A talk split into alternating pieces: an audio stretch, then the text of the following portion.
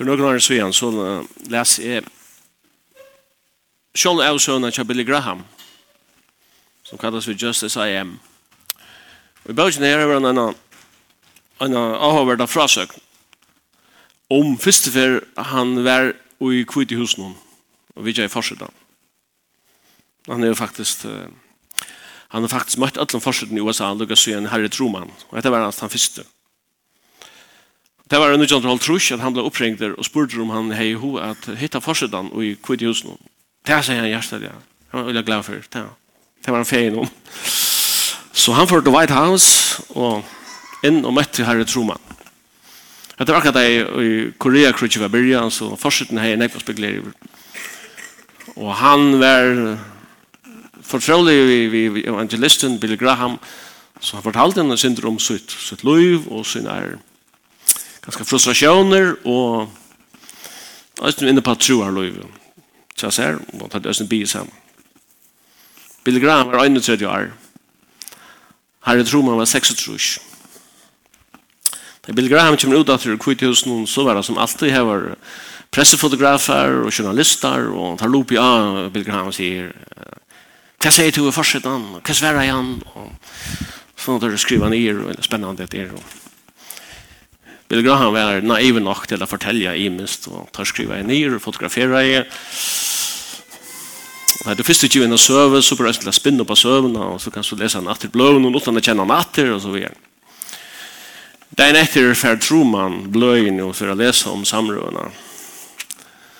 Og Truman sier, her som er her er oppmerksomhetssøkjende, selfish,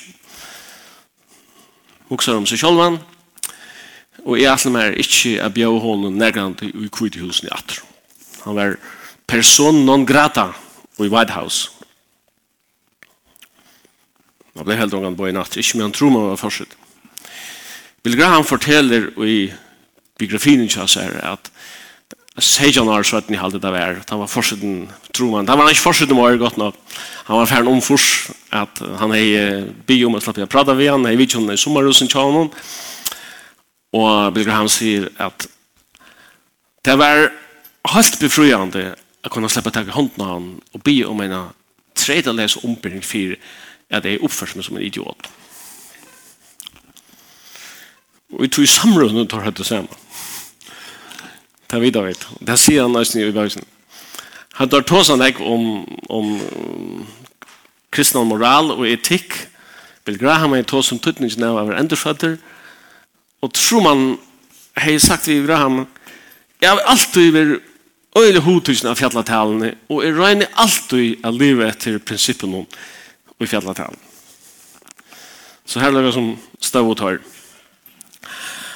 Og det er just fjallatalene jeg har tatt utgangspunkt i, i det. Hun har alltid vært synder, hun har alltid forvirret meg synder fjallatalen. Så så er det nekket her at Hetta skal du gjøre, hetta skal du gjøre. Det virker på en måte som at her er fullt av lov, og, og rettvistgjøringen av trygg er plass for, og, og så videre. Det er kanskje hørst, hørst vittigheten om en missionær som møtte en fotla mann, fotla mann.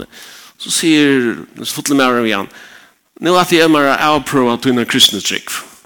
Så tar han og knaller han under venka. Så sier han, Jeg var ikke skriva skrive. Du skal vente henne en gang til. Og så venter han henne en gang til.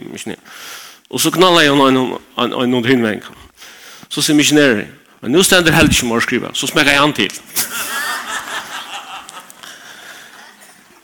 og det er egentlig imis, det er egentlig imis som vi kunne tolka skriften der. Og der skulle ikke finnes et handfæres vi viste om, og om man har en kjenning, eller, eller man er missionæren. Og et som jeg har blitt mest ut til å lese fjallatalene, det er at du hverdagen så byrja fjallatalene vi Ja, jeg vet ikke om det er går i førskolen. Jeg skal ikke navn som kallar man det for sal i prisningerne. Sal ero. The beatitude som det er røpt av enskån. Og her er nekvar såkallet sæler som vi beskriver. Og sælen er lett ikke trusht av til at oppføre det så og så. Men det beskriver bare en tilstand Det gav han noen løsninger og sier, ja, men så leis er du, eller så leis øymann er vera, til til en, en, en tilstand, en stå at du er stå i. Og han begynner vi til helt avhætlige løkne selene, som han sier, sel er hinn fatake og i anda. Til rujtje himmelrujtjes er torra. Og hadde jeg vært ørskjumlen jeg til fatake og i anda, vi forbinder ofte vi danska året åndsvak, eller noe luknande, altså. Hva er det til å være fatakker og i andan. Og så kommer han hinner sælen her, etterfylgjande, sæl i hinne muskonsson, og sæl i hinne hjertarøyne, sæl er det som får frigilega, det er slik kallas bødengods, ja, favorittsitatet av mamma min, ja. Hon orskar ikke strøy, så sier alltid, sæl er det som får frigilega, det er slik kallas bødengods. Men det byrjar vi, sier, er sånne løkna beskrives noen, Særlig er i hinne fatake og i anda. Og hver, hvert merke til er vera poor in spirit, er vera fataker og i anda. Jeg tykker vi regner å være at alle mennesker er fatak i anda. Det er ikke her, så, så kommer det jo at å si, så er alt særlig. Det er ikke det, det er ikke det som stender her. Vi kan byda mennesker på tver, tver, tver, tver kategorier. Det er det som er fatak i anda og ikke videre alt og og ikke legge ut det. Og så er det det som er fatak i anda og erkjenner det. Og han var bruk for noe anna som låt han fra. Jeg prøver å hukte nekvån imeskun omsetning, hva det koster å omsetta og fatak i anda. Og her er så den danska bibelen på hverdagsdansk. Her stender, velsignede, velsignede er de der erkenner deres avhengighet av god og de skal få del i Guds rike. Altså, dette totala, dette totala avheng, akkurat som et, som et brøstabann er fullkomlig avhengig av mamma sønne. Salig er de som erkenner deres avhengighet av Gud, for de skal få del i Guds rike. Så jeg var fattig granta og utgangspunkt, til jeg var ikke særlig jævligt, eller godt, men året sel og hesten for i frommalen betyr signaver og betyr hesten vi omsett å være glæver. Så glæver er han som er, som er fataker i anta eller som vi kjenner at han er avhengig av god. Så han hever tidligere det første stiget til å få brøtt omstøvende her. Året ante er jo brukt ofte i skriftene, og til kapitlene i Bibelen her, anden, vil oftast nevnt er i romerbrevet kapitel 8, kapitel 8, og her er året antibrukt så ofta at vi først er stå ivande om, om ta menes vi tar menneskelig andan, eller menes vi Guds anda, og visse føren kan man nesten si at det gjør det samme. Det stender i en av versen under Rombrand 8, at anden vittnar vi anda okkara, at vi er bøten Guds. Så tar han egentlig i samme vers om tvær andar, til menneskens ande og Guds ande. Og da Jesus samtaler vi Nicodemus, så si, og tar seg om enderføyelsen, og Nicodemus forstår ikke en pinne av det hva han tar seg om, så sier han, det som fett er av halten om, er halt, men det som fett er av anden om, det som fett er av anden om, er anda, er ande. Så vi gjør når en, en andalig føying, eller en enderføying, er nega som er fett av andan. Og det er Guds ande føyer nega. Hva er det så som er fett? Ja, så er det annet, ja. Det er du setter eplen ned, hva kommer opp av Det Det kommer ikke gulere å droppe her. Det som kommer opp det er epler, hvis de holder at det ikke kommer noe opp. Det som er så, det er frei, det er samme som kommer opp. Og det er øyla simpelt. Det som fetter holdt noen er holdt. Og det kan godt klea seg og i nega flott. Det kan godt kalla seg andalit. Det kan godt spela andalit. Men det er omgang det anna enn holdt. Men det som fett er av gode, det er ande. Så les talar Guds år. Charles Spurgeon, kjente en evangelisten, sier Being poor in spirit means to realize that I need God and I am poor. Vi tar oss ikke om en, en tøymelig fatakt, vi tar oss ikke om det materielle, men vi tar oss om avhengighet, avhengighet av god. Augustin sier det så leis. Menneskjan er skapt til samfunnet med god, og salen finner ongantøy, ongantøy fri og kvult for noen finner henne og i samband med med god. Det er så utan god kan man kanskje eksistera, men det blir ikke til å leve. Sæler teg som får frilag, og at det ser sælenar som kommer at han er virkelig konsekvenser av det grunnleggende det grundläggande, det helt fundamentala at det er avhengig av god. med at hørvar han. Särligt det som får fri og vi kan spyrja oss själva. Ja, men kvarna kommer alle ofrier. Skriften sier alle ofrier kommer innanfra Det er også en, en, en tillstånd till. Og Jakobs brev sier, og avvøkster rattvisnar, verer frie så av tøym, verer frie så av time som får fri i lær. Att vara fattigare anda märker erkännelse mer å være god. Lukas 15 er klassisk dörm. Vi har brukt i, i, i alla møvlen til, til andalig undervisning, til oppbygging, til evangeliska taler og, kvar, og man kan säga ta ett det två jag så kan jag säga om kommer det sker alla ställen det sker om så jag kan vänta till nästan så är vi så är det vi Guds ord att till kvast av hans hand och slår fram det latet Det dvir. Og Lukas 15 leser i omgandu og han sier et eller annet lukt som kommer på sjortøy.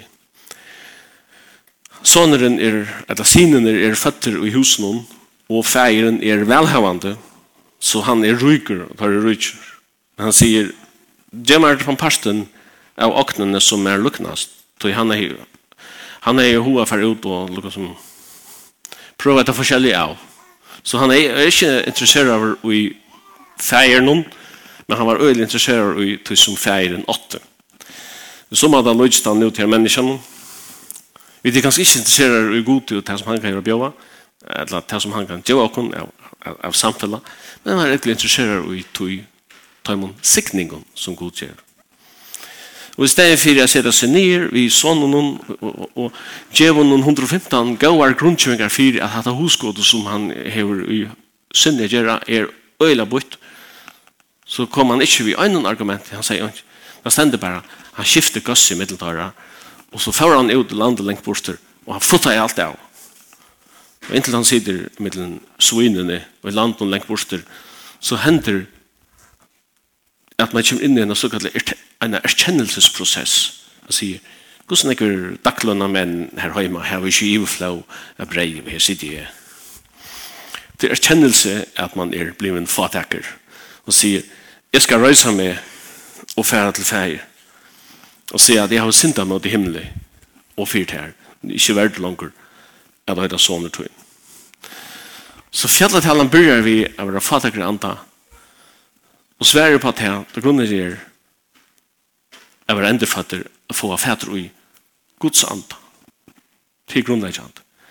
Og så kan vi tenke alt det som kommer at han og i fjallet helene Hva det som er av verskene og gjerningen og alt.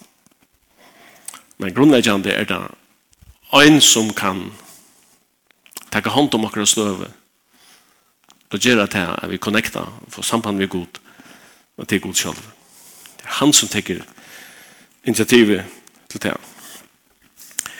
Og Moses stendet det såleis at han vil trygg for nokta i det han var tilkommen at kallas døtterssoner faro og valde fyrr a løy ilt vi falskikots enn han stod han njøting av sint. Vale som han tog var og i menneska seg ganske et, et tabelig vel. Um, og paradokset som skriften er alltid gjør okkom om troar løy det er, det er, det er, det er sånn ekva sted sier at uh, ta er veiker så er det stark. jeg vet ikke om de forstand av det her Ta er veikur, så er det sterskere. Og man kan altså si at ta er en dare, ta er i viser. Altså vi sier dare gods. Det var en som heist finnes seg fedre en t-shirt og finnes printa bæg framfyrir og 18-4. Og Og da er Krist, han, av bringene stå, I am a fool of Christ. Og det var aktivist oppmerksom at jeg for gengan om han etter gøtene, og folk møter han og lesa I am a fool of Christ. Så tar han fyrir at fram vi så hitja deg, Så han du är rich någon og ta lesa deg at han fyrir, för rich nästan skriva. Whose fool are you? Det er faktisk at jeg kjenner seg av. at det vil alltid være en dörr av ankrosliga och i en och till Så hver Så kvars er stu. stor. Självan det er är Moses en dårlig og i menneskens egen ta han veler, ta som han veler. Men han helt han skulle gjøre alle tingene i egen kraft. For han var jo prins of Egypt. Vi kallar over døttersåner faro. Og vekser opp i sånne her, her, her motstrøyende kjenslene om å være baden av trela foreldrene og samtidig å være kongasåner. Da jeg var tilkommet før han ut av marsjen i dag, for jeg vet hvordan brøren sønnen visste vi, de som trela i. Og selv er han kronprinsen i Egyptaland. Han kommer ut, ut av marsjen her, og så ser han til at en av sin egyptiske slave foten om hva det er, for øyelig til vi en og trell, og slå han, og så videre. Og det er flere øy i Moses, han er i tentring, så det er stå etter, som han sier. Og det var ikke mye. Han tok i Egypten, han smekker han ikke bare ned, han drev han, og så kan han holde sanden, så går han i sanden, og så sanden fyr. Så er det så innan han Så er det sånn igjen til han tror egentlig at, at tingene kunne brøydast vi har som mentalitet nå. Det er en for fra en atter ut her. Nu er problemet til at det er tvær hebreer, eller tvær jøtar som er fannet å strøyast, har klantrast, tvær trænler er fannet klantrast. Men han har veldig tro på at, at, at, at Gerard Nagamona gått ved folk som er kommet i strøy hvis ikke alt. Så han får ivet det. Og Jarvar har mordet, nu skal han se med det. Så han får ivet og sier vi seg mennene, hva er det Tid er brører, altså, tid må, tid må ikke klantra, så sier han. Så sier han til, hvor er vi sett til domar i rocken? Du at han skal drepa meg som du drepa den i Egyptan ikke er. Og Moses ble bensjen. Hette kom jo ut. Færfar og hette vidda, så ikke. Og etter kom han, og det passa i far og hei finnes det vidda, og han sendte på, han rønde løyde til Moses for å drepa han. Men Moses flyttet og førte til Midians land. Og her enda er han så. Gosse Firibels, ble gifter ved en rødt til presten i Midian, og Og Firibels enda han som en hyre er. Så leis er Prince of Egypt, Firibels, parkerar over ut i øyemarsene. Og her er han som fjørde år. Jeg vet ikke hva han rukser som fjørde år som han gjenger. Men det er så at det er god vel er menneske ut til et eller annet, så han, kan han kvart ha en myndelig av tog lett jeg tenker. Det skal være en prosess til at, at forme en menneske til det. Men han er fjørde år i Gingen, og Moses gonger en dag ut i øyemarsene, at han passer seg, han er hyre, han er stav i håndene, Og han ser han øyla lagt sjøen, en runner som brenner, tørna runner som stender i ljøsen låa. Han sitter så betraktar det her, og sjøen, han bojar, han bojar inntil, inntil eldren minkar, og tørna runder i blir til øske. Men det blir vi a brenna. Og så hoksa han, her er et eller annet, avnarma, et avnaturligt. Her er naturlavnar, lukka som suspenderar jeg, her setter ut av funksjon. Og hetta meg kan han er Og han fyrir yfir mot ned, brennande tørnarum. Men når han kommer halt nær, så tås seg en rødt ut ur elden vi han og sier, Moses, takk skekvannar av fotonum, du stegi som du stender av er høylagt. Jeg undrar meg, jeg kan standa i fjinn tørnarum, og så er det høylagt. Tørnenar, og i gods år, er alltid mynd av, av bannen, altså forbannelsen. Da synden kom inn, sier Gud vi Adam om hjørna at hon skal bæra der tørner og tislar. Og jeg har vært sikna i fjallatal som under her stendur og ennastan skriva så at man negar henta vunper av tørnen eller fikra tislun. Og når man nevner tørnenar så er det såleis at herri okkara blei akkarder og dømter og krossfester og brottskjeren hva var det? Ja, romerskun egin hei en eina brottskjer som han er framt. Det var det at han var konger i Jødene. Og det hadde ikke lov til. Det var bare en konger, og det var den romerske keiseren. Så det kallet seg konger i Jødene var jo et brottsverk. Og han ble ikke noe døden for det. Men en konger, skal en konger være en ordentlig konger, så må han ha en kongekron. Det hører til. Kronan er jo en mynd av de kongelige teknene. Og det stender at han flatta i en krone av tornen och tar trusjarna ner och hövransarna och blåa ränner nere etter. Till prysen för att tøyna og mina synd. Så det god taler ut ur tarnaronen kommer vi spyrja. Ut ur tog som är symbol på förbannelse. Ja, man kan se så så Heita vi en palmagrøyen et lakkershårene som han tar seg ut, så kommer man forstå heita. Men han valgte altså en tarnaron som er forbannelse. Og man det ikke kan skal være mynd av loiven hon tja Moses, at han falt i løyve med mislukka, og at han var som en bannaver tørnarunder.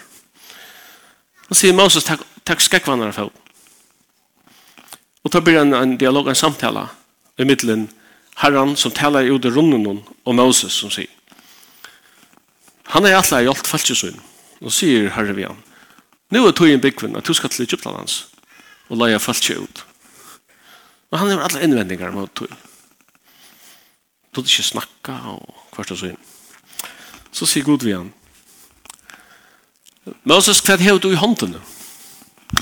Jeg har en stav, sier han. Vent, han er akkurat det jeg har brukt for. Jeg har brukt for en menneske som er ivig og staven. Takk staven vitt der, så før Nå Nu jeg ikke hvordan man skal skilja det her, at man vender seg mot det største militære makten som eksisterer i hjørnet, og først mot det via en stav.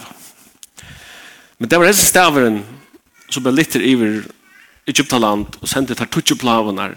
Det var hesen stavaren som søttene ble litt iver reihav og klaiva.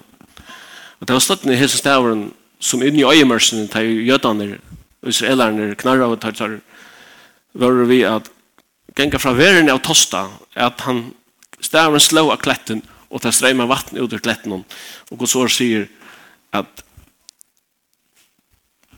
kletteren fyllte døymen i øyemersene og kletteren var Kristus. Hva har du i hånden håndene? Jeg har en stav. Og det Jeg vet ikke hva du heldig du hever. Men det som du hever til å god givet der og til nok. Det som mangler er kanskje å være fatta granda og være kjenne et, et avhengighets. Du er avhengighet av god. Samme søvann er om ønskjene som Elisa tar seg vidt Vi leser om i 17. kongabok 2. Det kommer en lukkelig kvinna til profeten og sier vi han, «Mæva i deier, og til varst at han øtta hans god.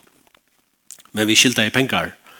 Og nu kommer øyne av oss ned, kreditoren og atler, at teka boar sine munar og gjerra tar til træler. Så sier Elisa Viana, hva hever du i hustøyne? Jeg har bare. Jeg har bare en krukke vi alje, sier han. Det er godt, sier Lisa. Fær inn og takk uilød vitt der. Så mange uilød. At la det ikke være for faen. Og takk og hett ur uiløden, ur alje uiløden, ui ødelis uiløden. Det gjør det hun så, hun er ødelis uiløden, og blir hettla ur som luttla alje uiløden.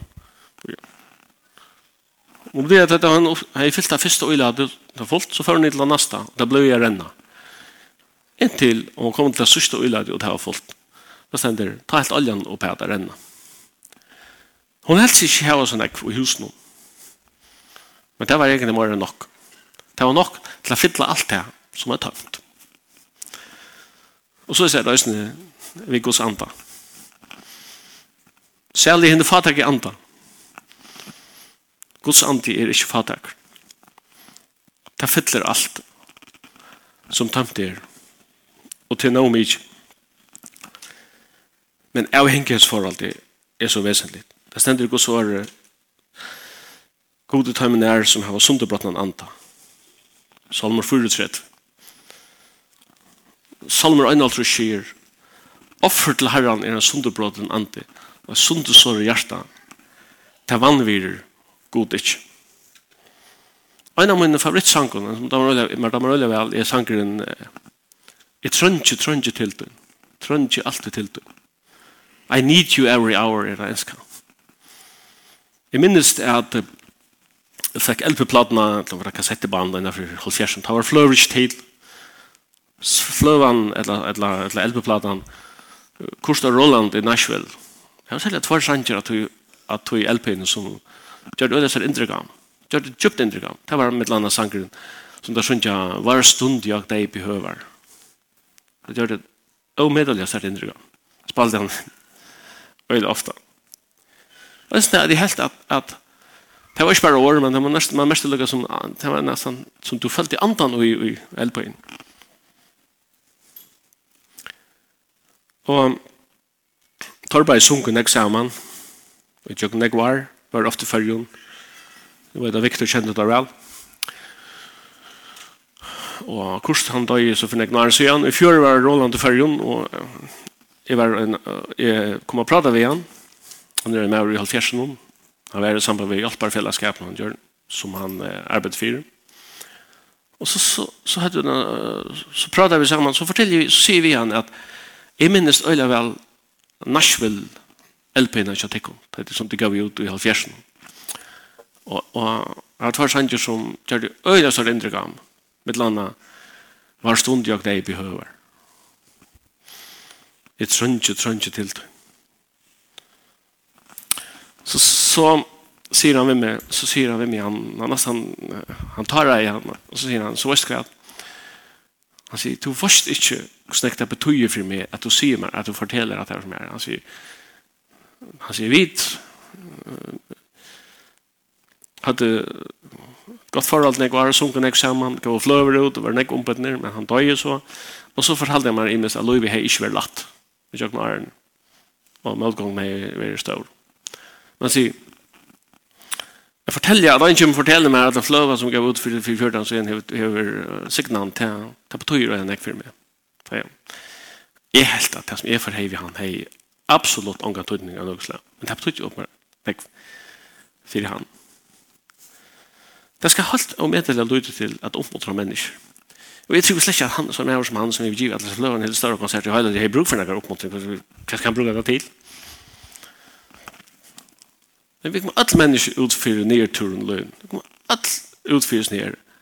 Jeg får nere i kjøkkenen. Bækadelen for jeg bruker årene som stender i salmen. Og vi tar alle bruk for oppmuntring. Det stender i gos året at tungan hon hever luiv og deia og i valdesøyn.